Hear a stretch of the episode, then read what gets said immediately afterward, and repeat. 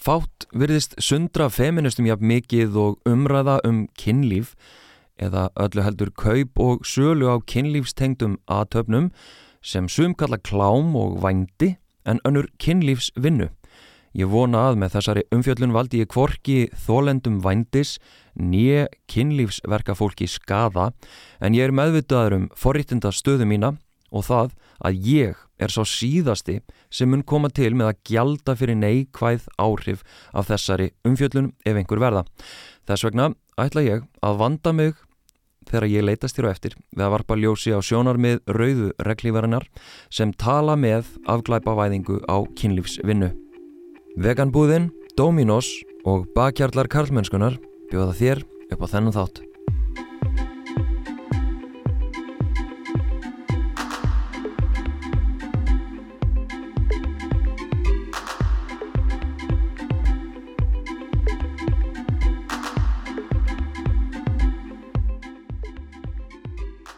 Rauða reglífin er hagsmuna samtök sem berst fyrir öryggi og réttundum fólks í kynlífsvinnu á Íslandi. Þau styðja skadamingun og vilja binda enda á fordóma gegn fólki sem selur kynlíf. Logn og Renata eru mætt fyrir hönd uh, samtakana. Velkomin. Takk. Takk fyrir.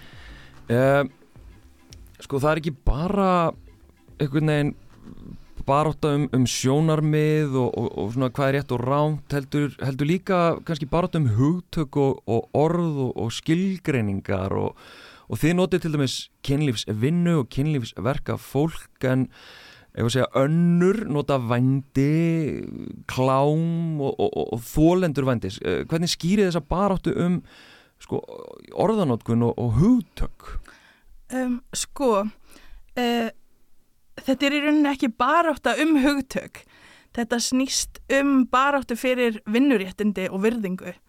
Um, þannig að hugtök er í rauninni bara svona hliðar hlutur og um, Já, í rauninni er kynlífsvinna bara uh, reglívar hugtak sem að nær yfir rosa fjölbreyta starfsemi innan kynlífsiðnasins og ástæðan fyrir því að við viljum nota það frekar en til dæmis vændi um, að þá er það bara ekki jafn gildislaðið og vændi er, þú veist, ef að ykkur notar vændi, orði vændi yfir sína upplifun, þá erum við ekki að setja út á það. Þú veist, þú hefur þinn rétt á að skilgreina þína upplifun og við erum ekki að fara að taka það af neinum. Mm. Nákvæmlega, en svona þegar við uh, tölum ofinberlega því að þú veist við erum ekki í rauninni bara að tala um okkur og okkar einslu við erum líka um, skipulægendur með samtökum. Þannig að þú veist við erum að tala um, fyrir og með samfélaginu okkar sem við erum búin að byggja upp. Um, og í rauninni þá segjum við kynlífsvinna og kynlífsvinni í persónu eða sala á kynlífstjónustu þegar við tölum um það sem samfélagi kallar vændi mm. því að þetta orð var skapað af kynlífsverkakonu og feminista að nafni Karoli eða Scarlett Harlott hún er hann að rithöndur mm. um, setnipart áttunda áratöksins mm. Karol var sem sagt mjög tengt inn í bara feminískan aktivisma og var á feminískri ráðstefnum þegar hún fekk bara nóg af niðrandi orðanöðkunn þú veist sem að var í gangi það var uh, bara talað um kynlýsverka fólk og það var að tala niður til þeirra það var ekki talað við kynlýsverka fólk mm. um, og þetta já þetta er þú veist notað til þess að miðla virðingu það sem að við, við notum þetta til þess að miðla virðingu við viljum miðla til okkar hóps að við erum til staðar á jafningja grundvelli mm. og að við uh, hvað er acknowledge á íslensku?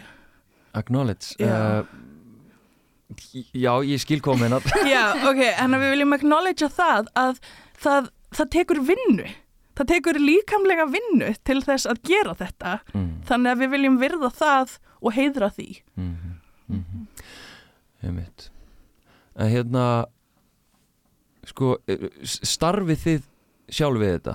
Uh, ég starfaði við þetta Þú starfaðir? Uh, já, mm. sem sagt þrjú, fjögur ár -hmm. um það byl Já um, sem að ég var að selja kynlífstjónustu um, og þú veist, þá var ég líka að gera, þú veist, á netinu svona webcamming og eitthvað svona, já, bara einn á milli, af því að Ok. þetta er mér. já, Já, ég líka bara, ég svona byrjaði sko þegar ég var, um, þegar ég bjó í Berlín að þá var ég að strippa með skóla sem sagt. Og það bara svona hendaði mér og svo einhvern deginn 2020 og þá ákveði ég að flytja aftur heim og halda áfram í mentaskóla og þá bara svona færi ég mig yfir á OnlyFans og byrjaði líka svona í camming og já, ok og starfar þá við það núna eða hvað? já, Ok, en sko en log þú hérna starfaðir mm Mhm.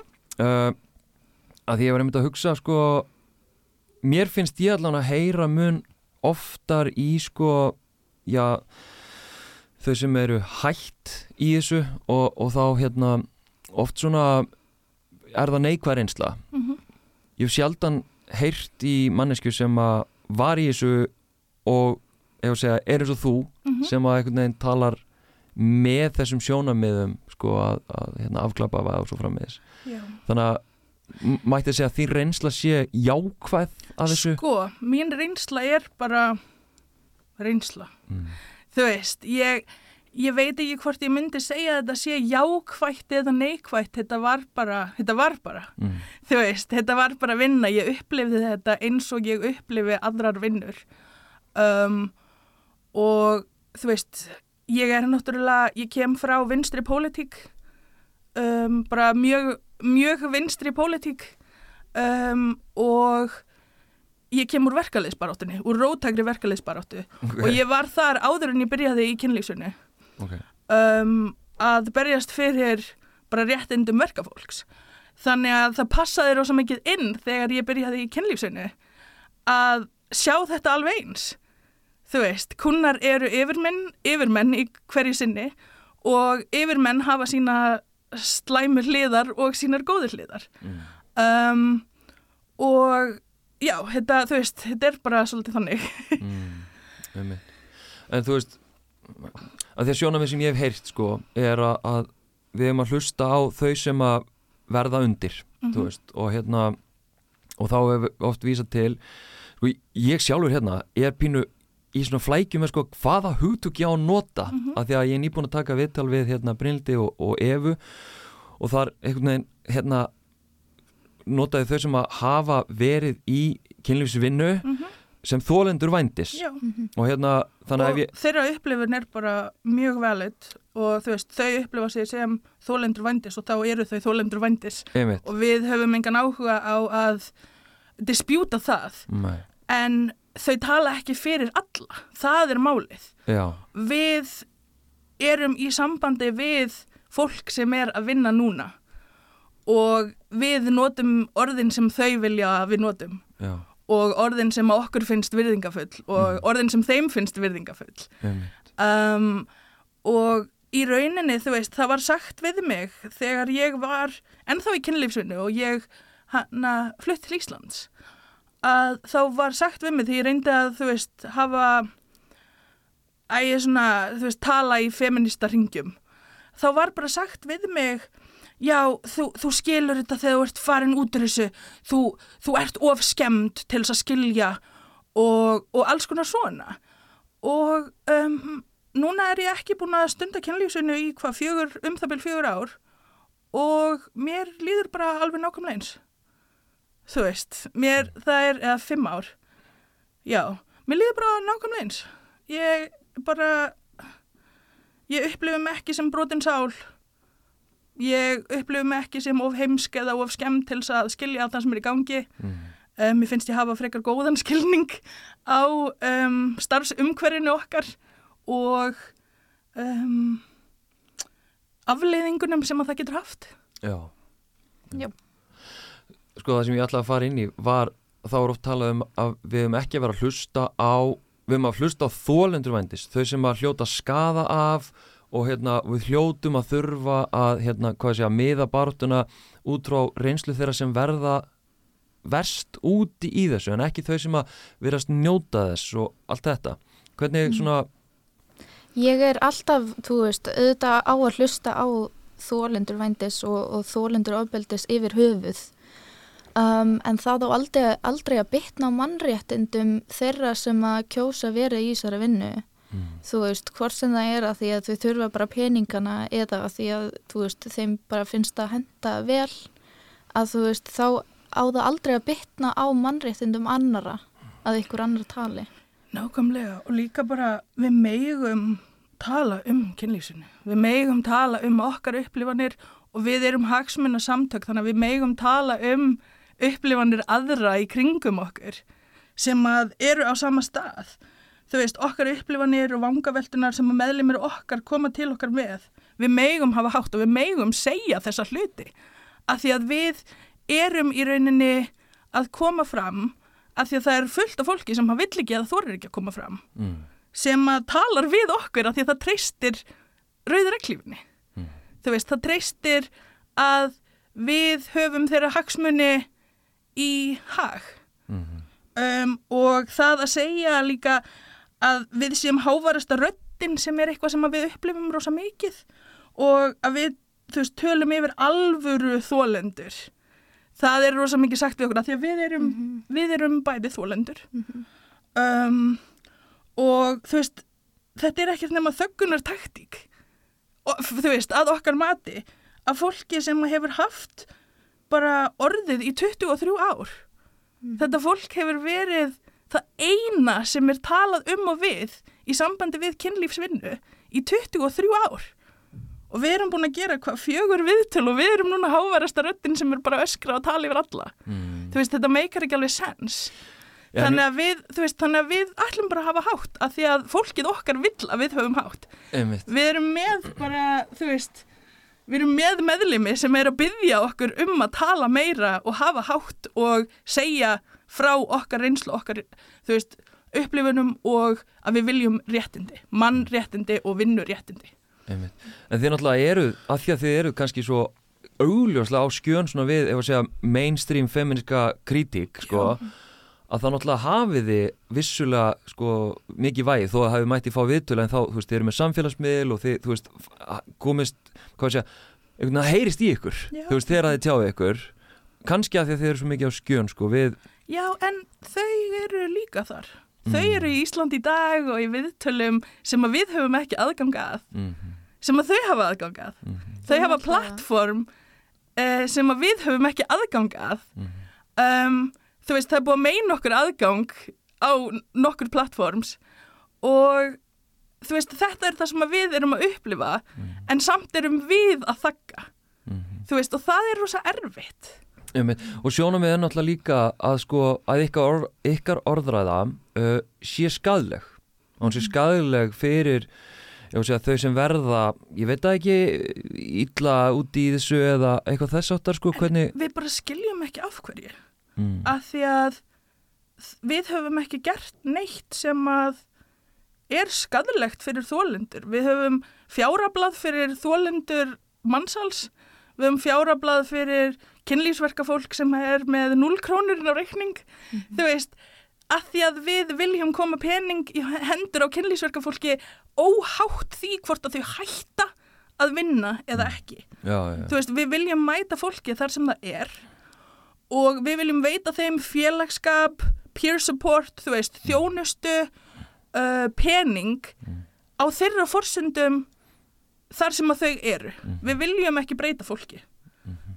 En hérna, mér langar að lesa upp hérna það sem að var í intrói á síðasta viðtali sem var við Brynildi og hérna og Evu að þar sem sagt að því að það er gáð bókina vennilega konur já, Brynildur og á blaðsíðu 270 uh, las ég upp þessa hérna uh, uh, setningu eða málskrein eða hvað þetta heitir það sem vændis kaupandin virðist uh, fyrst og fremst vera að kaupa er vald. Vald til að gera það sem honum sýnist. Vald til að þurfi ekki að sína tillitsemi vald til að svala draumarum sínum á annari mannesku vald yfir líkama og líðan þeirra sem hann kaupir og síðast en ekki síst vald til að fara yfir mörg Ok. Um, sko, um,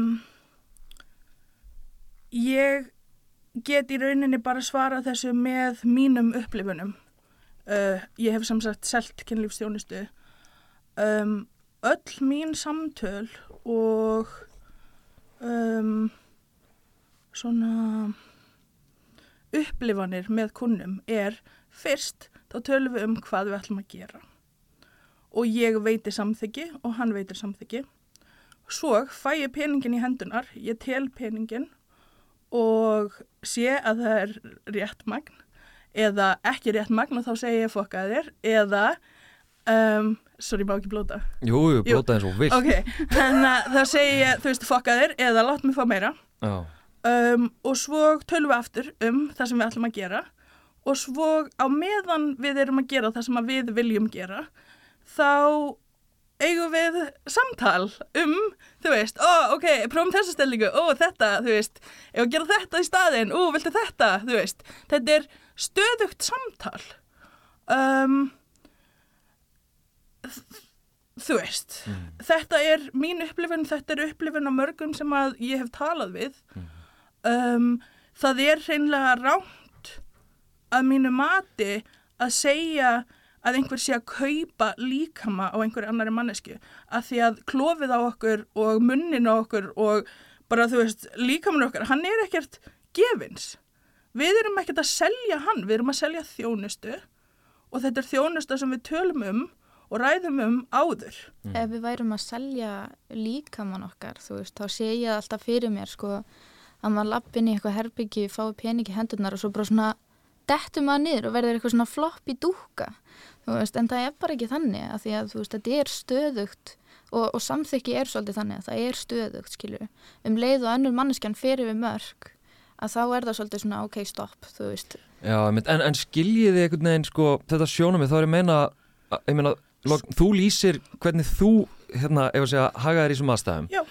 En hérna, en ég ímynda mér að séu ekkit öll sem að Sko, já, það eru ekkert allir sem að uh, kunna að setja mörg. Ég kunni ekki að setja mörg áður en að ég byrjaði í kynlífsinu.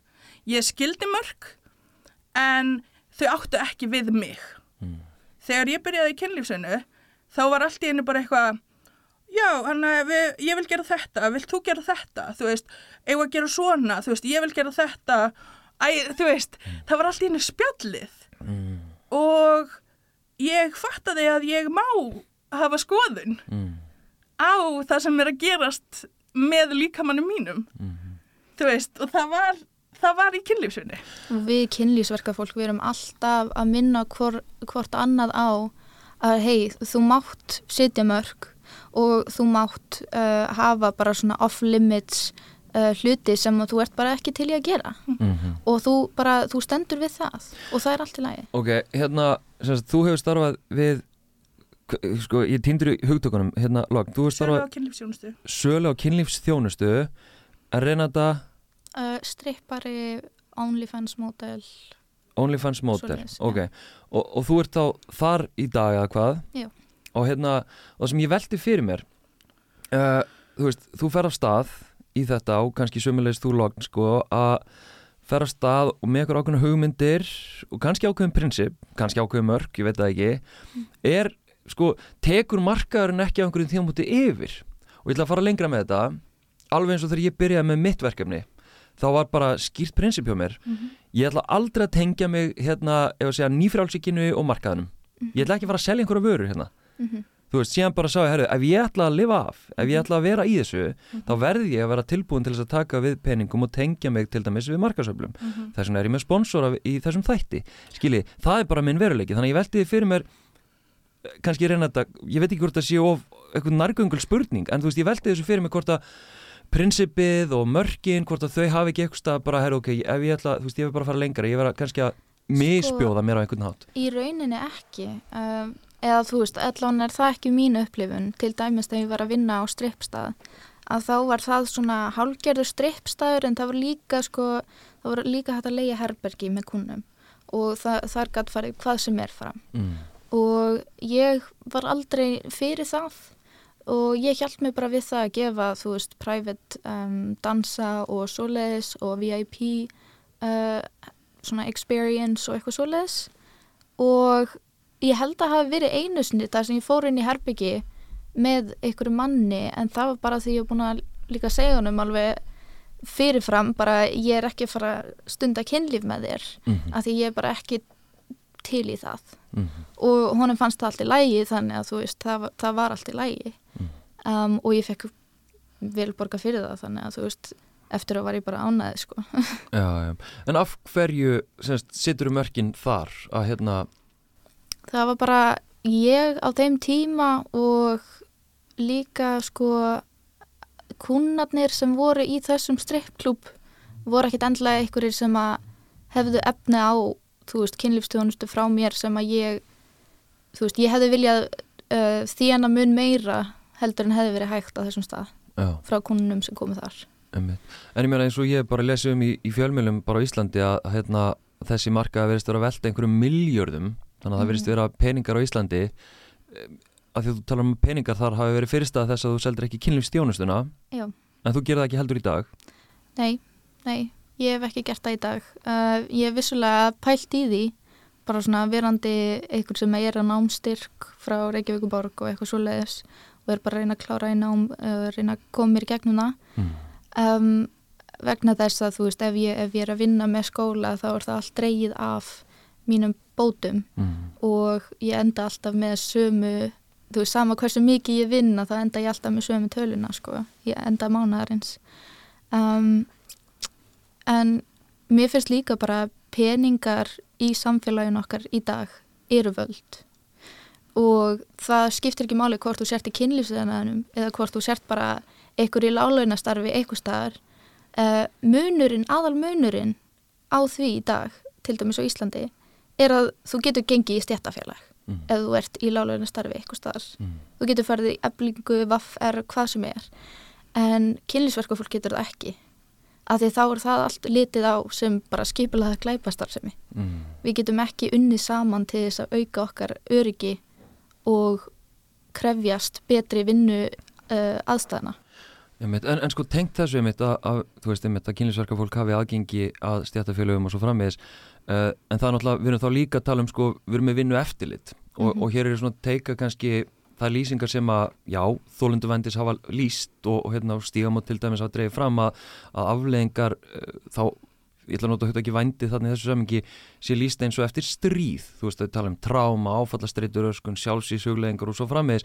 Sko, ef að þetta eru algengar afleðingar af þessum starfsumhverju ættu þá ekki í rauninni að hindra þáttöku fólks á slíkum starfsvettangi Sko, um, eða hvað? sko, um, við sem að stundum kynlífsinu, um, okkur er nöðgað stundum í vinnunni og það sem að lögin okkar núna gera er þau skilgreina alla kaup á kynlífi sem ofbeldi. Þannig að þegar það er brotið á okkur þá er það ekki, þú veist, og við erum að upplifa tráma og allt þetta, þá er það ekki, brey, þú veist, þá er það ekki skilgreint frá bara venjulegum kuna sem verður mörkin þín, skilur við? Ok, Um, þannig að, þú veist, við lendum í ofbeldismönnum, við lendum í nöðgunum. Að lenda í nöðgun veitir manni PTSD. Þú veist, ég er með PTSD eftir nöðgun og þú veist, þetta er eitthvað sem ég díla við á hverju minnasta degi. Þú veist, ég er búin að fara í meðferð og eitthvað svona en, en þú veist, það kemur alltaf upp kannski eitthvað sem tryggar að tráma. Um, það í sjálfu sér að selja kennlíf þar sem að kunni virðir mörkin þín, það er ekki um, það sama og nauðgun þegar einhver brýtur á þér að því að þú ert að upplifa brotið þú veist, þannig að þú veist þú ert í starfi þar sem að þér er miklu líklega að vera nauðgað heldur en hinn almenni borgari að því að ofbeldi gegn okkur er bara samþygt af samfélaginu. Um, ofbeldi gegn öðrum stjættum er ekki eins samþygt það er bara venjulegt að einhver hóra sé lemd eða lamið, þú veist, sé einhver hóra sé lamin þú veist, og við erum ekkert að fylgjast með því í fréttinum bara, ó, einhver vændiskona, uh, þú veist og það er mjög mikið svona samfélagslegt viðhorf að bara ó, hún kom sér í þessar aðstæður skilur, þetta, það er alltaf það er svolítið meira sett bara svona skömmuna og og í rauninni ábyrðina á þólenda og hver er ekki að fara út úr því með PTSD já, sorry, en þú veist, þetta er bara svolítið staðan. Þetta í rauninni þá, þú veist, þetta, það er ekkert í þessu logiki, þú veist, Mm. þessar tölur, ég veit ekki hvar þær eru gripnar. Mhm. Þessir, þessar staðrindir, æ, þau eru alltaf að tala um 90% eða 99% eða eitthvað svona. Þetta er, þú veist, lítil könnun sem var gerð fyrir mörgum árum og þú veist, á þeim tíma var þetta potið eitthvað sem var satt, en við vitum ekkert á hvaða forsendum það var. Voru þau að tala um, þú veist, alla, alla sölu að kaupa kynlífi sem ofbeldið sem að e- er PTSD eftir eða eru nauðganir sem að voru inn á milli sem eru hræðilegar og eiga ekki að gerast og þess vegna var PTSD. Já, Við vitum það ekki. Það er líka til kynlýsverka fólk sem að voru þólendur ofbeldis áður en þau byrjuðu eða þú veist, eftir þau byrjuðu eða þú veist að það er allur gangur á því Mhm. en Það er ekki nefnilega, þú veist, það er nefnilega ekki staðreind að eins og margir vilja segja að uh, kynlífsverka fólk fer út í kynlífsvinnu að því að þeim var beitt ofbeldi sem barn. Það er bara ekki rétt, þetta er mjög skadleg mýta sem að, sem að segir í rauninni að við séum öll skemmt eins og hefur verið sagt við mig aftur og aftur, já, þú veist. En þú veist, þetta sýnir okkur líka bara hvað hórufóbía er svo brútali sett inn í samfélagið okkar mm. þú veist, það er meiri sér þegar maður er að reyna að passa sig og æfa sig og eitthvað svona, þá er maður að segja frekar ljóta hluti án þess að bara vera meðvitaður að þetta er svo normalíserað í, í samfélaginu okkar að tala svona um okkur. Mhm. þú veist, Mhm. þannig að já. Ég veit. Og ég meina orðran sem að er þú veist, þið talið um að sé ríkjandi og hafi greiðar aðgengi og svo frammeðis Þú veist, hvernig, hvernig upplifið þið bara orðræðina um ef að segja ykkur og ykkar starfsvettvang um, sko, ég upplifa þetta á sama hátt og ég upplifa andlegt ofbeldi. Þú veist, ég fer í bara PTSD viðbrögð mm. þegar það er verið að gaslýsa mig um eigin upplifanir á netinu. Um, það er ógeðslega erfitt. Og svo þegar allar vinkonur þessara manneski læka kommentana og það er komin 20 likes og, og þú veist þá er það bara hvað 21 manns sem að segja að ég sé bara ónýtt manneskja og skilji ekki neitt. Það er svolítið brútal. En ég meina hefur þetta einhver áhrif á, á því til dæmis reynda að, að því að þú starfar þarna þú veist þegar að þú heyrir eh, hvað að segja já alla þessa orðaræði bara, Já, sjálfsagt. Hefur þetta eitthvað svona, ó, ég ætti nú kannski ekki að vera að gera þetta eða, hefur þetta eitthvað Mm. þannig áhrif eða? Nei, um, mér finnst oft bara sorglegra að sjá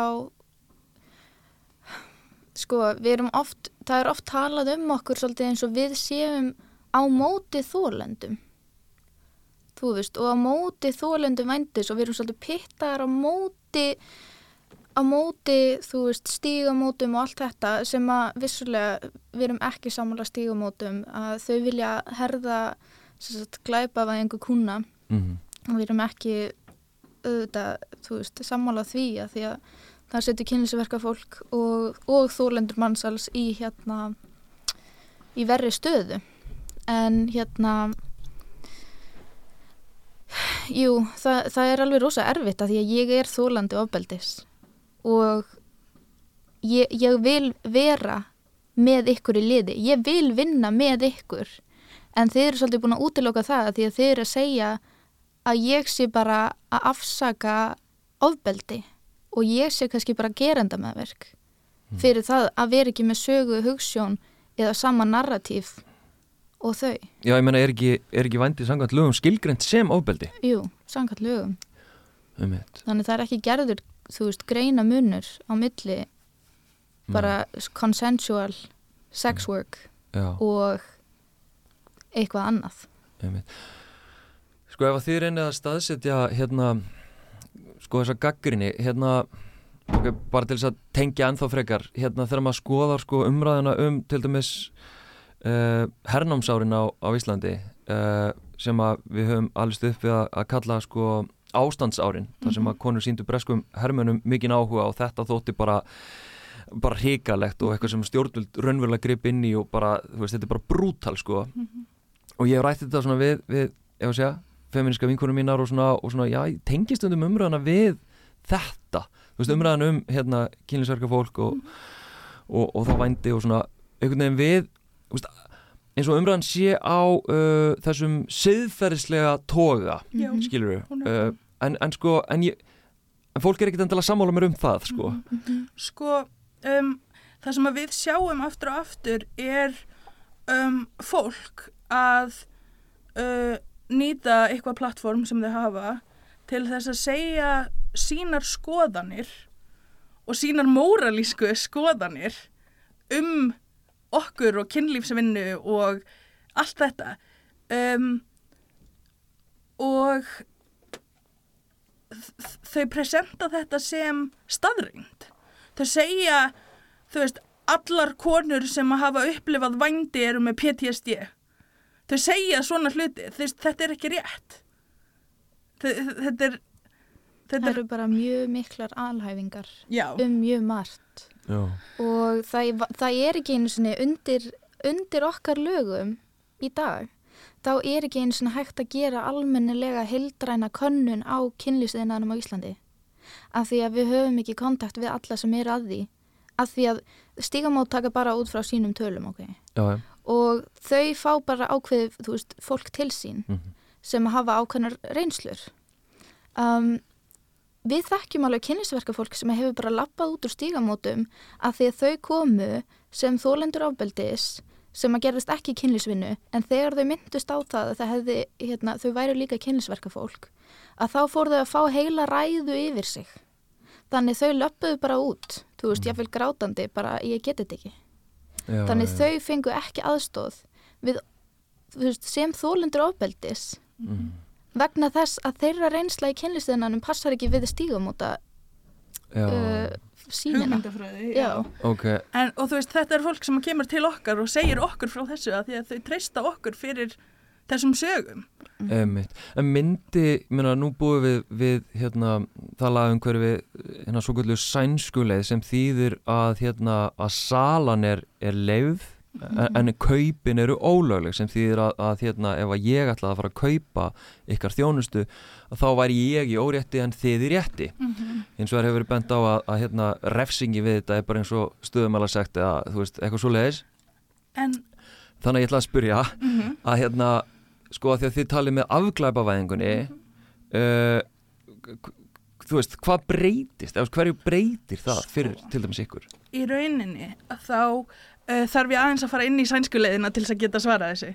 Um, en sem sagt að þá þegar það kemur að sænskuleiðinni þá er um, rosalega mikið af hérna bara svona hlýðarverkum sem að uh, voru bara ekkert pælt í. Mm, það var ekkert pælt í það að við tæknilega séð höfum um, ekki rétt á því að leia húsnæði á meðan við erum að selja kynlíf.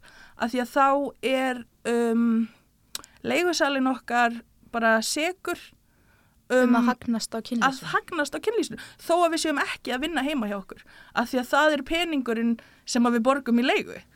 Þannig að þá ef að laurugla, ef að til dæmis við myndum fara til lauruglunar og segja uh, ég upplifði ofbeldi í vinnunni og uh, ég er að selja kynlíf. Og þú veist ef, að, ef að þau myndi gefa það perfect response af ok, bla bla um, það, þú veist, við ætlum að rannsaka þetta og við trúum þér og eitthvað svona þá eru þau samt núna komin með það stað, staðfest að ég er að selja kynlíf og að ég um, búi þarna. Þannig að þau geta núna vaktað mig og hann að tekið kunnana mína. Og þau geta látið leigusala vita að þú sért að selja og, kynlíf. og látið leigusalana já, þannig honum er gert að rifta leigusamning út af því að hann er teknilega sér að hagnast af kynlýsvinnu uh, launin þín eiga í hættu að vera tekin af lauraglu sem sönnunagögn þannig að þú veist hvernig á það að hjálpa kynlýsverka fólki að taka af þeim peningin, að taka af þeim húsnæði að hafa engin úrræði fyrir þau, annað en Mm. það hefur ekki verið allir þessi hérna, 20 ár sem þetta hefur verið í gangi Mhm. Stígamóti rétt svo núna að byrja að tala um að kannski sitja á stað einhverja fjárhagsstyrki mm, en við vitum ekki hvort að þau munu gefa fjárhagstyrki líka þeim sem að passa ekki inn í þeirra narratív. Já, þú veist, er, verða þessi fjárhagstyrkir uh, dependent á það að þú hættir Mm. eða færðu pening eins og frá okkur bara af því að þú þarft það og no questions asked, Mm. þú veist. Við vitum ekki hvernig það áttur að vera en það, það eru bara djúpar afleðingar eins og ég get ekki, þú veist, ef að ég væri að vinna núna þá get ég ekki verið um, með vinn sem ég borga fyrir öryggi. Já, Þá, þá er hann í hættu að vera lögsóttur fyrir að pimpa mig. Og þú getur ekki heldur unni með annari kynlýsverkakonu að því að þú veist ef að þú... Þá erum við að pimpa hvort annað. Já, ok, Uh-huh. ok, þetta er, þetta er áhugavert klípa sko, en, en ef við, ok, breytum þessu við hérna afglapavæðum Mhm. uh, en hafið þá engar áhyggjur af hvað segja, akkurat því sem er haft áhyggjur af varandi sænsku leiðina að það sé þá einhver sem að er bara að sópa saman hérna og hagnast á öðrum, eða þú veist, er, það eða ekkert Um, sko, það er ekkert í afglæpavæðingu sem stuðlar að þriðja aðila þannig. Ok, Af því undir afglæpavæðingu þá getur maður unnið sjálfur. Maður þarf ekki að skrá sig, já, maður þarf ekki að vinna undir einhverjum öðrum eins og í lögleiðingu til dæmis. um, þar sem að fólk vinnur í brothel og þarf að gefa, þú veist, þessum pening og þú þarf að gefa þessum pening og svo þarf að borga fyrir þrifið og svo þarf að borga gjald til þess að mæta og og þú þarft að taka x marka kuna og þú þarft að, þú veist... já það er inn í lögleiðingunni. Já, ok, þannig að munurinn á lögleiðingu og afglapavæðingu er afglæpavæðing, þá hefur þú bara miklu meiri stjórn á þessu sjálf, Mm. eða sjálfur. og Þá ertu í þegar, rauninni bara eins og, veist, uh, eins og verktaki eða þannig. mm. og þegar það er brotið á þér þá getur þú farið eins og nýlega var farið um, það var kona á Nýja Sjálandi sem vann mál í Human Rights Tribunal um, sem sagt gegn yfirmanninum sínum sem var eigandi brothelsins Mm. Um, og hún vann málið að því að hann var sem sagt að kynfærislega áreita hana í vinnunni Mm. og hún tók hann bara í Human Rights Tribunal og vann að því að kynlýsverkafólk í Nýja Sjálandi stígur tiltalega jöfnum fæti í samfélaginu. Núna getur það fyrst gert þetta. Það getur uh, sóst eftir réttindum sínum og það getur barist fyrir virðingu og það, bara, það er svo margt gott sem að hefur sérst úr afklapavæðingu. Líka þegar, uh, þegar fólki er undirborgað, þá geta það leita til stjættafélagsins og yfirleitt þá fer þetta bara í sama prósess og þegar þú veist, þú ert að vinna á kaffihúsi og þú- færð ekki laun, þá færðu til eblingar Mm.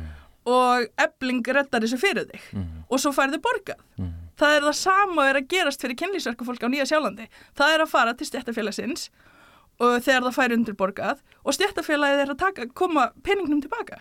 og sama tíma og það er að gerast að þá er sko samband á milli kynlisverkafólks og lögreglu að batna Mm. af því að lögreglunni er ekki gert að vakta og það er ekki jafn svona intimidating Mm. um, presence frá, frá lögreglunni og Já, það þá er ekki getur verið að stoppa fólk og já. Mm. þá getur kynlisverkafólk virkilega að leita til lögregluna, lögreglunar á sínum forsendum Mm. Þegar það er broti gegn þeim Og þá er líka rannsakað nöðgunar málið, ekki bara kaupin. Já, já, Af því að kaupin er það sem er séð sem vandamálið, ekki ofbeldið sem að við upplifum. einmitt Og það er ótrúlega fucked up, ef ég á að segja alveg segir. Það er ógeðslega fucked up að það er mikilvægara fyrir stjórnvöldum eða hverjum sem er að fara eftir kunnanum fyrir að kaupa kynlífið heldur en að það var nauðgað. Þú veist, það er brjálað. Af því að nauðgun er bara, sorry, að því að nauðgun er bara séð sem bara partur af starfinu okkar. Já, já, já Það er ógeðslegt. Þetta er ekki partur af starfinu. Þetta á ekki að vera partur af starfinu okkar.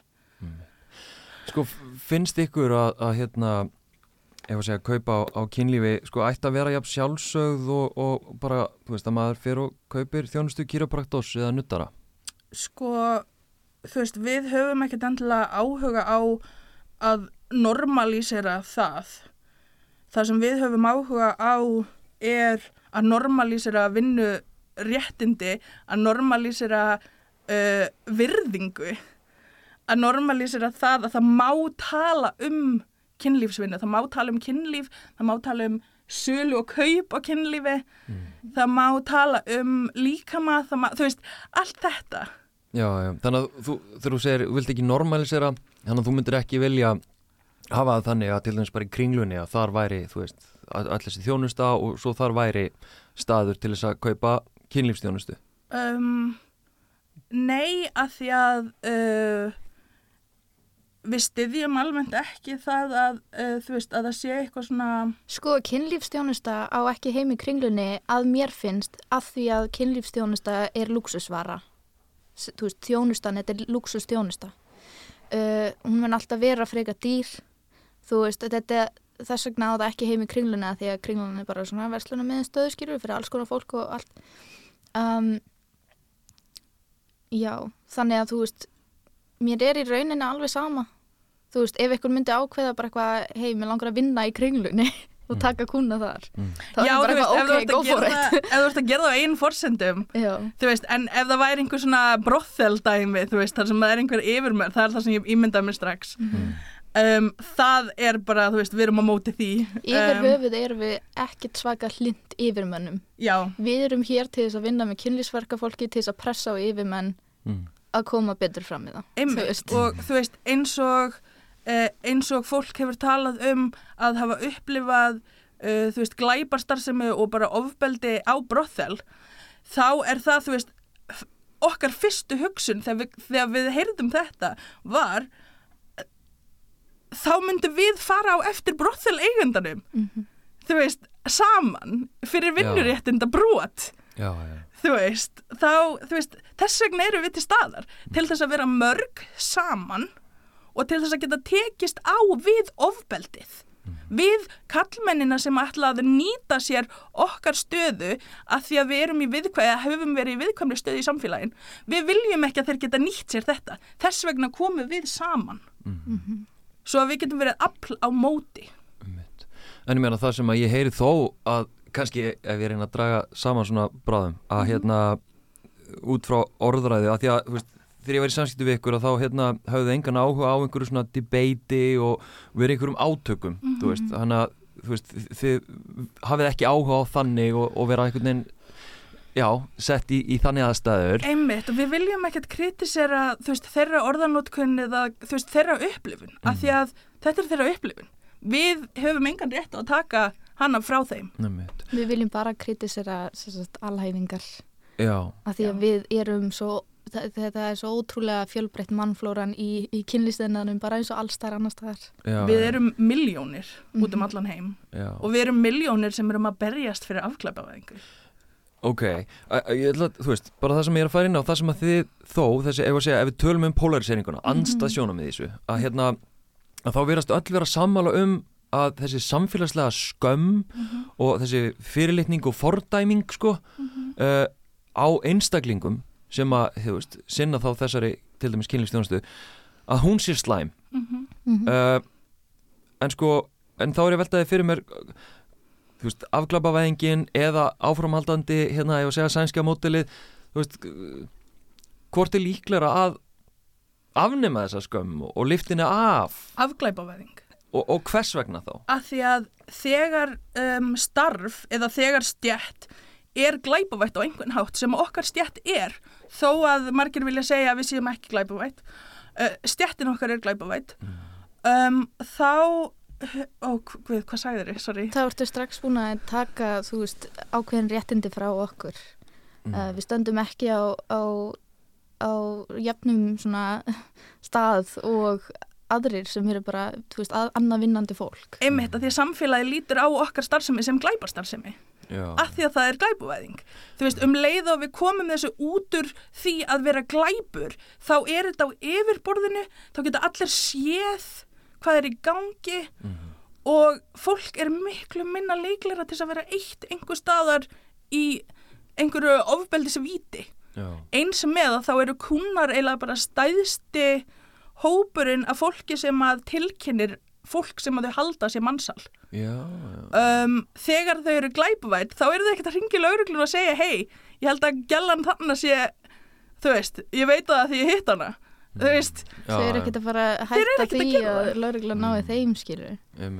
Það er ekki séns og þú veist, við höfum heyrt þetta á netinu við höfum heyrt kallmenn tala um, þú veist, við erum ekki að svara þeim en við höfum heyrt þá segja um, þú veist, ég fór í aðstæður sem að ég held að hún var í mannsali og ég vissi ekkert hvað ég átti að gera. Já, já, af því að, þú veist, hvað á maður að gera? Einmitt. Síðan er annað, ég meina, varandi skömmina og svona kannski jaðsetninguna e, þú veist, er að þið eru oft tengt öðrum jaðsettum hópi sem er fólk í neyslu, Já. eða fólk sem nota vímefni og, og það er einhvern veginn svona þá réttlega að já, ég meina, hún er bara í neyð eða, e, hérna, þetta fólk er bara í neyð og þetta er bara einhverjur hérna, dópistar, að skilur við svona fordamum já. hérna, ykkur má, má segja að sko en það sem að, já þið virðist kannski frekar eiga sammeilegt þú veist, þið eru ekkert öll í neyslu að, að það er einhvers konar þörf fyrir fjármagn. Mhm. þú veist, og ég meina ég held að þið bæði hafi líst því sko að, að, hérna, að hafa byrjað að því að þið voru fjárþurfi Já. er ekki rétt munað? Bara svona eins og allar aðrar vinnur sem að ég hef byrjað í Þegar ég byrjaði í vinnu sem ég er í núna þá byrjaði ég í henni að því að ég þurfti pening. Já, ég þurfti pening til þess að borga reikningana mína. Já, en af hverju ekki aftur að fara í hérna kynlífsununa af hverju ekki? Ég veit ekki hvort ég gerði það aftur. Já, Já, það bara ég- hendaði ekki akkurat þegar ég þurfti pening núna. Já, á þessu sinni, þú veist. En ég mun aldrei segja aldrei. Mm, ok.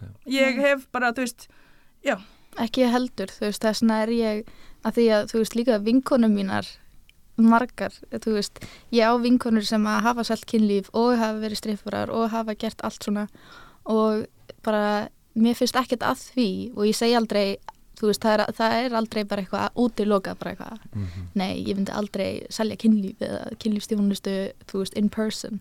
Mm, um, ég sé ekkert að því eins lengi og þú getur tryggt öryggið þitt veist, og, en málið er eins og undir þessari leiða þá er það alltaf hættulegra mm, undir okkar já, að því við getum ekki unnið saman við höfum hætt á því að missa leigu húsnæði og svo framvegis. En hverjar eru, bara svo ég fáið það frá ykkur líka, að þið þið talið með hérna afglapavæðingunni, en, en hverjar sjáu þið að séu áhættunar? Segjum bara stjórnul hlusti og bara já, hörru, við ætlum að fara í þessa vegferð að afglapavæða þessa þjónustu.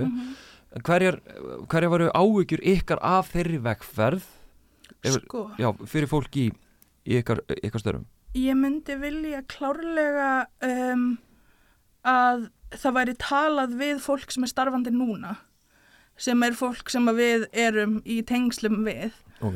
um, þannig að við myndum passa að rattir kynlýsverka fólks myndu fara hæðst inn og þau myndu í rauninni bara segja hvað þau vilja ef Þú ég veist. segi alveg reynd að þá vil ég bara, ég vil sjá kynlýsverka fólkin á þingi Mm. þú veist, ég vil, ég vil sjá uh, stjórnmálaflokka vinna með kynlýsverka fólki uh, og til þess að gera virkilega grein fyrir þeirra þörfum Mm. að því að það þarf líka að þú veist, það þýðir ekki bara að pæla í lögunum og allt það að þú verður líka að hafa eitthvað svona félagslega aðstóð og til dæmis eins og við höfum verið að gera, þú veist, gefa styrki og svo viljum við líka geta bara haft eitthvað svona support group kannski bara að við hittumst og þú veist, gerum eitthvað næ saman og, já. já, þú veist, Mm. við erum byrjuð á því nú þegar bara á okkar einu vegum, skilju.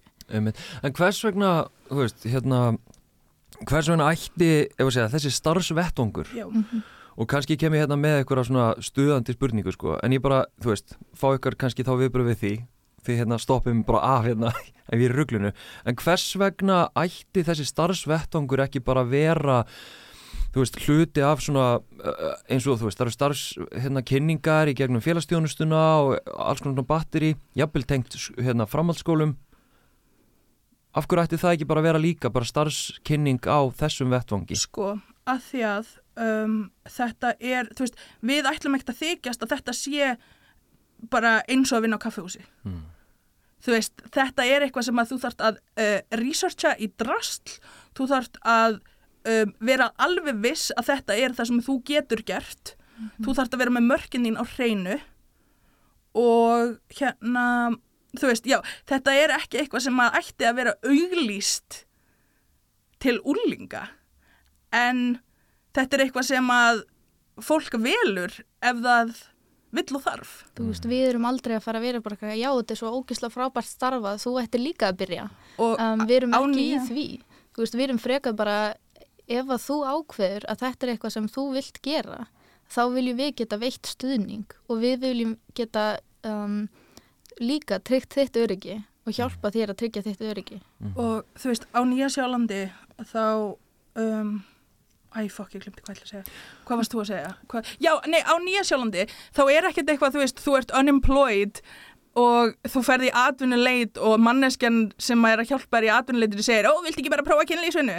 Þú veist, það hefur alveg fólk komið til mín og spurt, þú veist, hei, til dæmis bara með OnlyFans, þú veist, ég er að pæla hvort að þetta sé eitthvað sem væri sniðt fyrir mig, darara. Mm -hmm. svo segir þau kannski, þú veist, já, mér langar að vinna í þessu og þessu í framtíðinni og þá segi ég alveg hreint út við þau það er alltaf möguleiki á að það að þú hafi verið í kynlísvinnu að það muni koma upp á yfirborðið mm.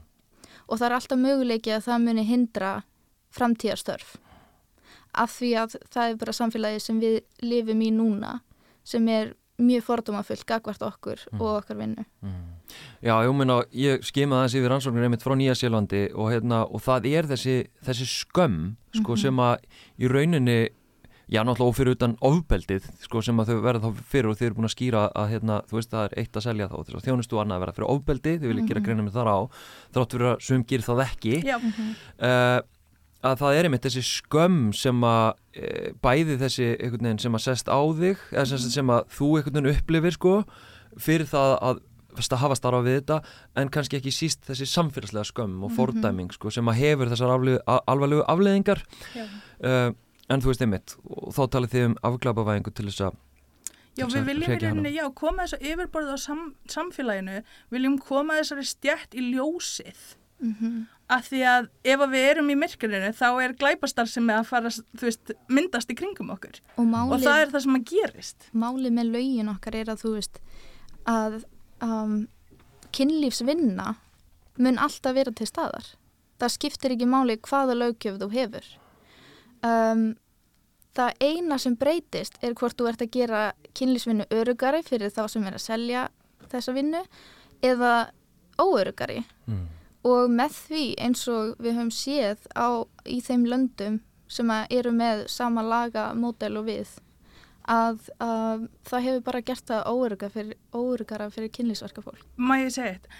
Þegar það kemur að vinnuréttindum fyrir okkur, við viljum geta haft aðgang að stjættarfélagi við viljum geta, þú veist, leitað einhver staðar fyrir rétt okkar, mm. þú veist, vinnutengdan rétt mm. og þú veist, já, við viljum að samfélagið sé mýgra við kynlísverka fólk mm. af því að samfélagið mætir okkur með höggi mm. þú veist, þegar við þegar við komum út og segjum það sem við erum að segja, þá erum við mætt með samfélagslegu höggi það er ekki, þú veist mm.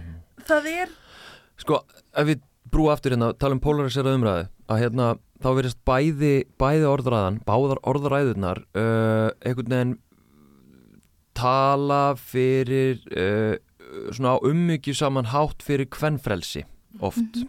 þú veist, réttindum já, svona af umhyggjunni sko yeah. og ég heyri það í ykkar svona orðræðu þú veist, af umhyggju fyrir kynleisverka fólki en sama segir sko, ef ég segja hinrón orðræðan sko mm -hmm.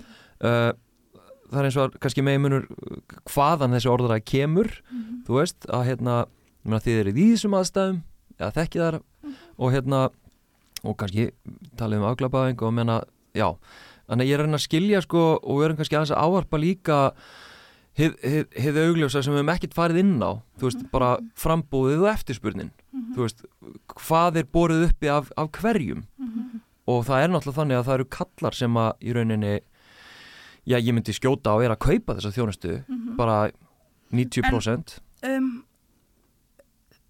Á meðan það er fátækt á Íslandi og meðan það er fátækt í veist, heiminum þá mun fólk leita í aðgengilegustu leiðir til þess að þena pening fyrir alls konar ástæður. Um leið og fátækt er bara ef við byrjum að glíma við fátækt af alvöru mm þá mingar þessi neyð. Mm.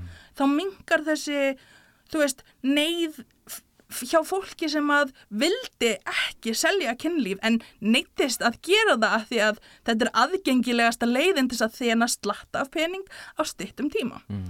um, það er ekki í lægi það er ekki í lægi að samfélagið okkar er með fólk sem er svo fátækt að það er að taka neyðar ákvarðanir mm alveg sama hvað þær neyðar ákvarðanir séu. Mm. að því að fólki fátækt leitar í alls konar, það leitar í neyslu til þess að hverfa úr þú veist, upplifuninni. Mm. það, það leitar það leitar í drikju það, þú veist, fólk leitar allstaðar til þess að þú veist, í desperation, í fátækt. og sumir kannski bara, þú veist, vinna og vinna og vinna, þú veist, svona vennjulega vinnu. Og þú veist, eiga samt, jáfnvel eiginlega ekki fyrir enda mánuðarinn, sko. Mm. Einmitt, og þú veist, þurfa að vera með fjölskyldu sem þau eru að sjá fyrir mm. þannig að þú veist, hvað er fljótasta leiðin líka, þú veist, þegar þú ert öryrki og þú veist að vinna á almennum vinnumarkaði þá er skerðing og krónu fyrir krónu mm. þannig að þú ert alltaf fastur í fátæktar gildru þannig að auðvitað ferður að leita í aðra hluti sem að þú kannski endilega vildir ekkert endilega gera en aðstæðunar eru að neyða þig í það það er, það er ekki lægi það þarf að útrýma fátækt frekar en að fara á eftir kynlífsverka fólki Já, okay. eða kunnum þeirra. Já, eða kunnum okkar. Ok, en ég meina tölum þá um kunnana Já. Þú veist, ég meina, þú veist, kallar sem að einhvern veginn hafa þarna peninga millir handana mm -hmm. ég meina, er ekki rétt hjá mér, þetta er í meira hluta til kallar. Jú, kallmenn Jú. Kanski bara engöngu eða? Nei, ekki engöngu, en um, meira hlutin, alveg stórum meira hlutin og þú veist og þannig eru ákveðin valdatengsl þá milli, ég var að segja, kalla og, og annara kynja, getur við mm -hmm. sagt Menna, hvernig horfum við á það til dæmis? Um, sko ef að við ætluðum að fara að stjórna störfum hvenna út frá því hvort að það er kall að nýta sér vald þá væri bara engin störf fyrir konur í heiminum, þú veist, eða mjög fá. Mm -hmm. að því að kallmenn nýta sér valdastöðu sína í öllum pörtum af samfélaginu. Mm -hmm. þannig að Þú veist, og karlmenn er í meiri hluta náttúrulega stjórnendur, stórfyrirtækja og allt þetta. Já, já, þannig að þú veist uh, og auðvitað nýta sér það að kannski til dæmis borga fólki ekki nóg eða þú veist, svo framvegis Það er mjög algengt mm. að þú veist, láleina fólk sérstaklega fái illa, þú veist, ekki rétt borga og þess vegna er ebling til staðar mm -hmm. þú veist, til þess að fæta þau og fá peningi tilbaka mm -hmm. um, að því að það er þessi valdastaða millir yfirmanns og uh, vinnuaflsins Einmitt En ég meina, já ég veit svo sem ekkert hvert ég er að fara með þetta ég er bara að velta fyrir mér, þú veist, þessu, þessu misvægi skilur, -hmm. að hérna þannig eru, eru kallar einhvern veginn, þú veist að því að það eru ekki, það eru ekki kaupendur, það eru ekki kallar sem að eru hvað mest að, hérna, að tala fyrir segja ykkar réttindum mm -hmm. eða mhm. eitthvað, veist, það, eru, það eru þið mm -hmm. sjálf sko að hérna, en síðan eru það náttúrulega kallarnir sem að eins og ég hef séð í rannsóknum og bara í frásögnum skilur, þetta eru, þetta eru bara alls konar kallar, þetta eru bara -hmm. venjuleg menn uh, Bókstaflega, er, þetta gæti verið bróðinn Já. eða frændiðinn eða pappiðinn eða, eða ég sjálfur eða þú sjálfur, skilur þau, þú veist þannig að hérna, þú veist, en það sem þeir kannski er sammeilegt eins og einhverja bent á er að þeir hafa peningamilli handana, mm -hmm. lausafjö sem að þeir geta notað mm -hmm. og, og velja margir hver að nota það og einhvern veginn, en það er bara þetta að ég veit ekki alveg, þú veist eins og til dæmis ég bara, ef ég hugsa um sjálf á mig þú veist, mm -hmm. að hérna undir hvað kringumstæði myndi ég sko leita í þessa þjónustu þú, ég myndi ekki gera það Nei, en það er bara Þú veist þannig Það er bara þannig. að því ég er að tala um sko, það, þú veist ég hef heyrt skýringa til dæmis einhverjur menn sem eru giftir uh, og einhvern veginn ógisamir eða fá ekki það, það kynlíf sem þeir vilja og vilja þá bara, þú veist, einhvern veginn eru svona, ég veit ekki, entitled til þess að sækja okay, sér það. það Já, en þú veist, en það er bara á okkar fórsendum, það er bara ef við segjum já. Mm -hmm. mm. Þú veist, við erum ekkert að hitta einhvern gæja, við erum ekki búin að segja já við að hitta hann. Mm þú veist, og eins og ég segi eða eins og þú segir, þetta getur verið þetta getur verið hvað sem er mm -hmm. og hérna maður hefur að líka alveg, þú veist, það er náttúrulega uh, ekki jafn mikið úrval af kannski kunnum þegar þeir eru glæpavættir að því þeir eru svo mhm. hrættir við það að vera náður á lögreglunni mm -hmm. um, Undir glæpavæðingu eru við líka, mm -hmm. bókstaflega líkleri til þess að fá ofbeldismenn til okkar mhm þú veist, af því að þeir, þeim finnst þægilega að taka áhættuna að lendi í lauruglunni eða lendi í fangelsi. Það er kannski kallmenn sem að hafa uh, fram með glæpi áður og kannski fram með glæpi gegn konum áður. Mm. Við veitum það ekki, mm. en þú veist, klæjantellið alltaf þegar það verður einhvers konar glæpavæðing eða aukin glæpavæðing, þá verða kunnanir alltaf verri og verri. Af því að þessir gæjar sem að, þú veist, er bara einhver sálfræðingur sem er ókslega feiminn og þorir ekki að fara á date, hann, hann vil ekkert koma til okkar lengur af því að, hvað ef hann fyrir fangilsi? já. Þá er hans líf bara búið, eða þú veist, æskiluru, Hann starfsferill kannski líka og einmitt. Já, en ég meina þó að eitthvað sé, ef að segja löglegt, þó að ég geti gert einhverja hluti, Mhm. þá svona, þá er ákveðin svona, ég veit það ekki, uh, ákveðin gildi sem að, sem að koma í veg fyrir það, fattur þó að ég geti það. En þá er það bara þín gildi og það er allt í lagi. Þú veist, það þá er ekkert- ekki markashópurinn Það fyrir er- kynlísverkafólk. það er ekkit allir sem eru til í að selja kynlýfstjónustu og það er ekkit allir til í að kaupa hana heldur Mm. og það er bara, þú veist, svona eru við fjölbreytt sko. En svo eru sumir sem að kannski finnst, ok, hérna, þeim finnst kannski þægilega að leita til kynlýsverkafólks, um, sérstaklega ef það er að finna út úr kannski sínum svona, hvað var ég að segja, um, kynneigð og, og svona, og löngunum í kynlífi og þú veist, þau eru kannski svolítið Mm. tilbúnari að hitta kynlýsverkafólk að því að við höfum séð svo margt og við erum Mm. ekki svo gjörna á að dæma mismunandi blæti og allt þetta. Mhm. En hérna, ég veit ekki hvort að það sé ekki spurning sem að maður á að spurja og, þú veist, og ég, ég, já, en, Við munum þá segja þér að fólk Já, þið segir mér að fokka mér. Svo erum ekki svona kjaftaði. En hérna, nei ég bara velta fyrir mér sko, hversu aðgengileg er þessi þjónusta? Ef við tölum bara um hérna ef við tölum um peningum, þú veist, hvað kostar kynlíf? um, Það fer bara eftir manneskinni.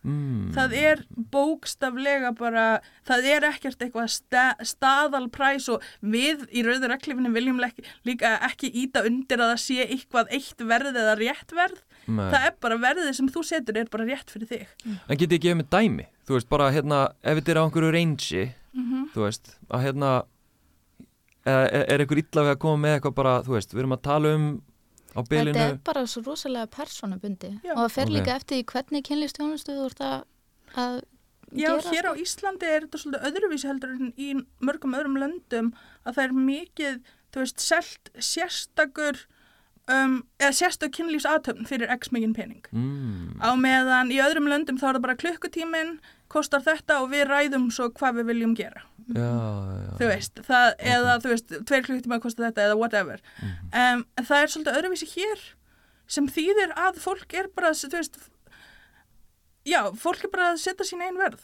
bara Já. hvað þeim finnst og stundum er það breytilegt, stundum er það, þú veist, x mikið og stundum er það miklu meira eða miklu minna. Fer Ok. eftir aðstæðum hvort að, þú veist, hvort það eru mánaðamót kannski Mm. eða eitthvað svona.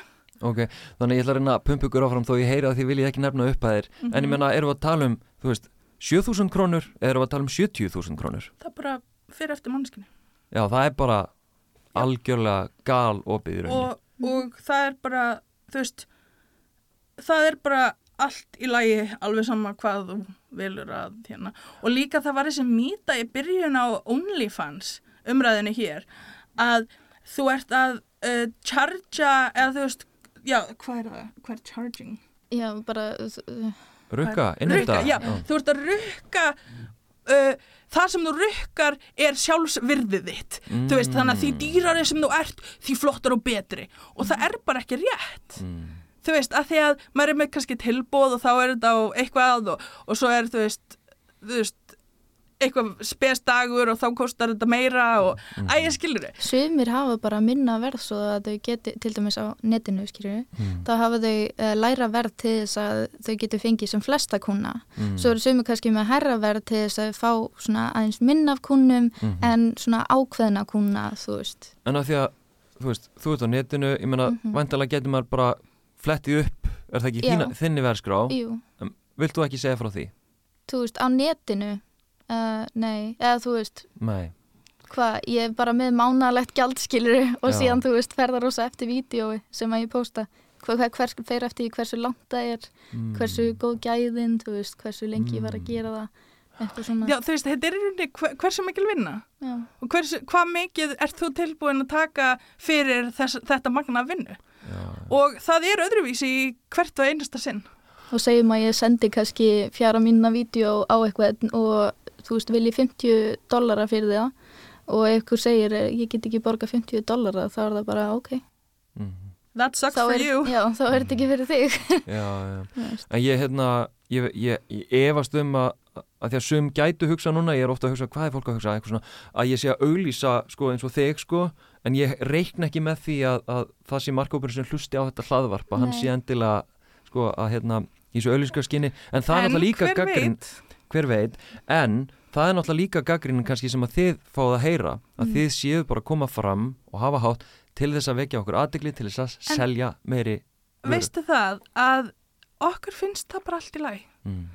það ef að, ef að manneski kemur fram með okkur og segir nafni sitt og fólk fer að líta henni upp og, og kaupa efnið hennar þá er það bara þá er það bara gott. Þú veist, þú það ert er að styðja bara kynlýsverka þá fólk ert að styðja kynlýsverka fólk þú veist, mér finnst ekkert að því að fólk sem kemur fram með rauður eklifinni fái auglýsingu.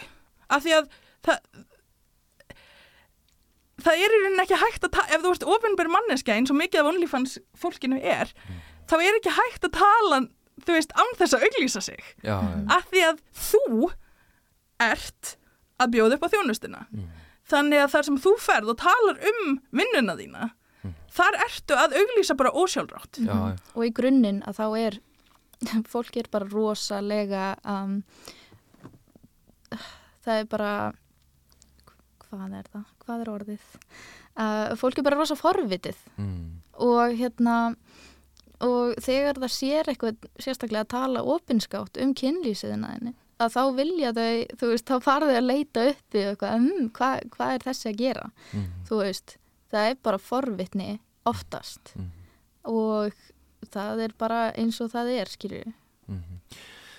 Þannig að hérna ef að ég svona tek út úr því sem að ég hef heyrt sko eru á móti hérna lögulegingu, þið viljið afklapaðingu, þið viljið mannréttindi, þið viljið virðingu, þið gerir greinamun á því að selja kynlustjónust og síðan að verða fyrir ofbeldi, þið leggja þetta ekki á jöfnu, uh, þið viljið afmá skömm yfir, yfir hérna fólki sem að stundar þetta uh, og það sé leiðin að, uh, já hvað var að segja, bara því að uppræta skömmina og virðingu fyrir fólki í- mannsæmandi líf fyrir kynlýsverka fólk. Einmitt, einmitt. Hérna, eitthvað svona alveg í blálógin sem að þið viljið taka fram? Viltu ekki OnlyFans, uh, auglýsa OnlyFans? Nei, þú Oh my veist God. Æ, mér finnst þetta líka svolítið skrítum pælinga því að við erum ekki að setja hérna, við, það er ekki eins og við séum með þú veist á Instagramin okkar svona linktree þar sem að þú getur bara að segja já hérna er OnlyFans pageið hennar og þessari og hérna, þú veist. Þá væri við raunverulega að auglýsa. Mm. en um, bara þegar við erum að tala og vera ofinbærar manneskjur að því að við höfum ákveðið að heyrðu, ég vil ekki fá þess að skömm frá samfélaginu, mér er alveg sama hvað ykkur finnst. Um, ég er bara að lifa mínu lífi eins og mér finnst að ég gerða mm. þannig að, já Logn og Renata, takk hjá það fyrir spjallið Takk, takk.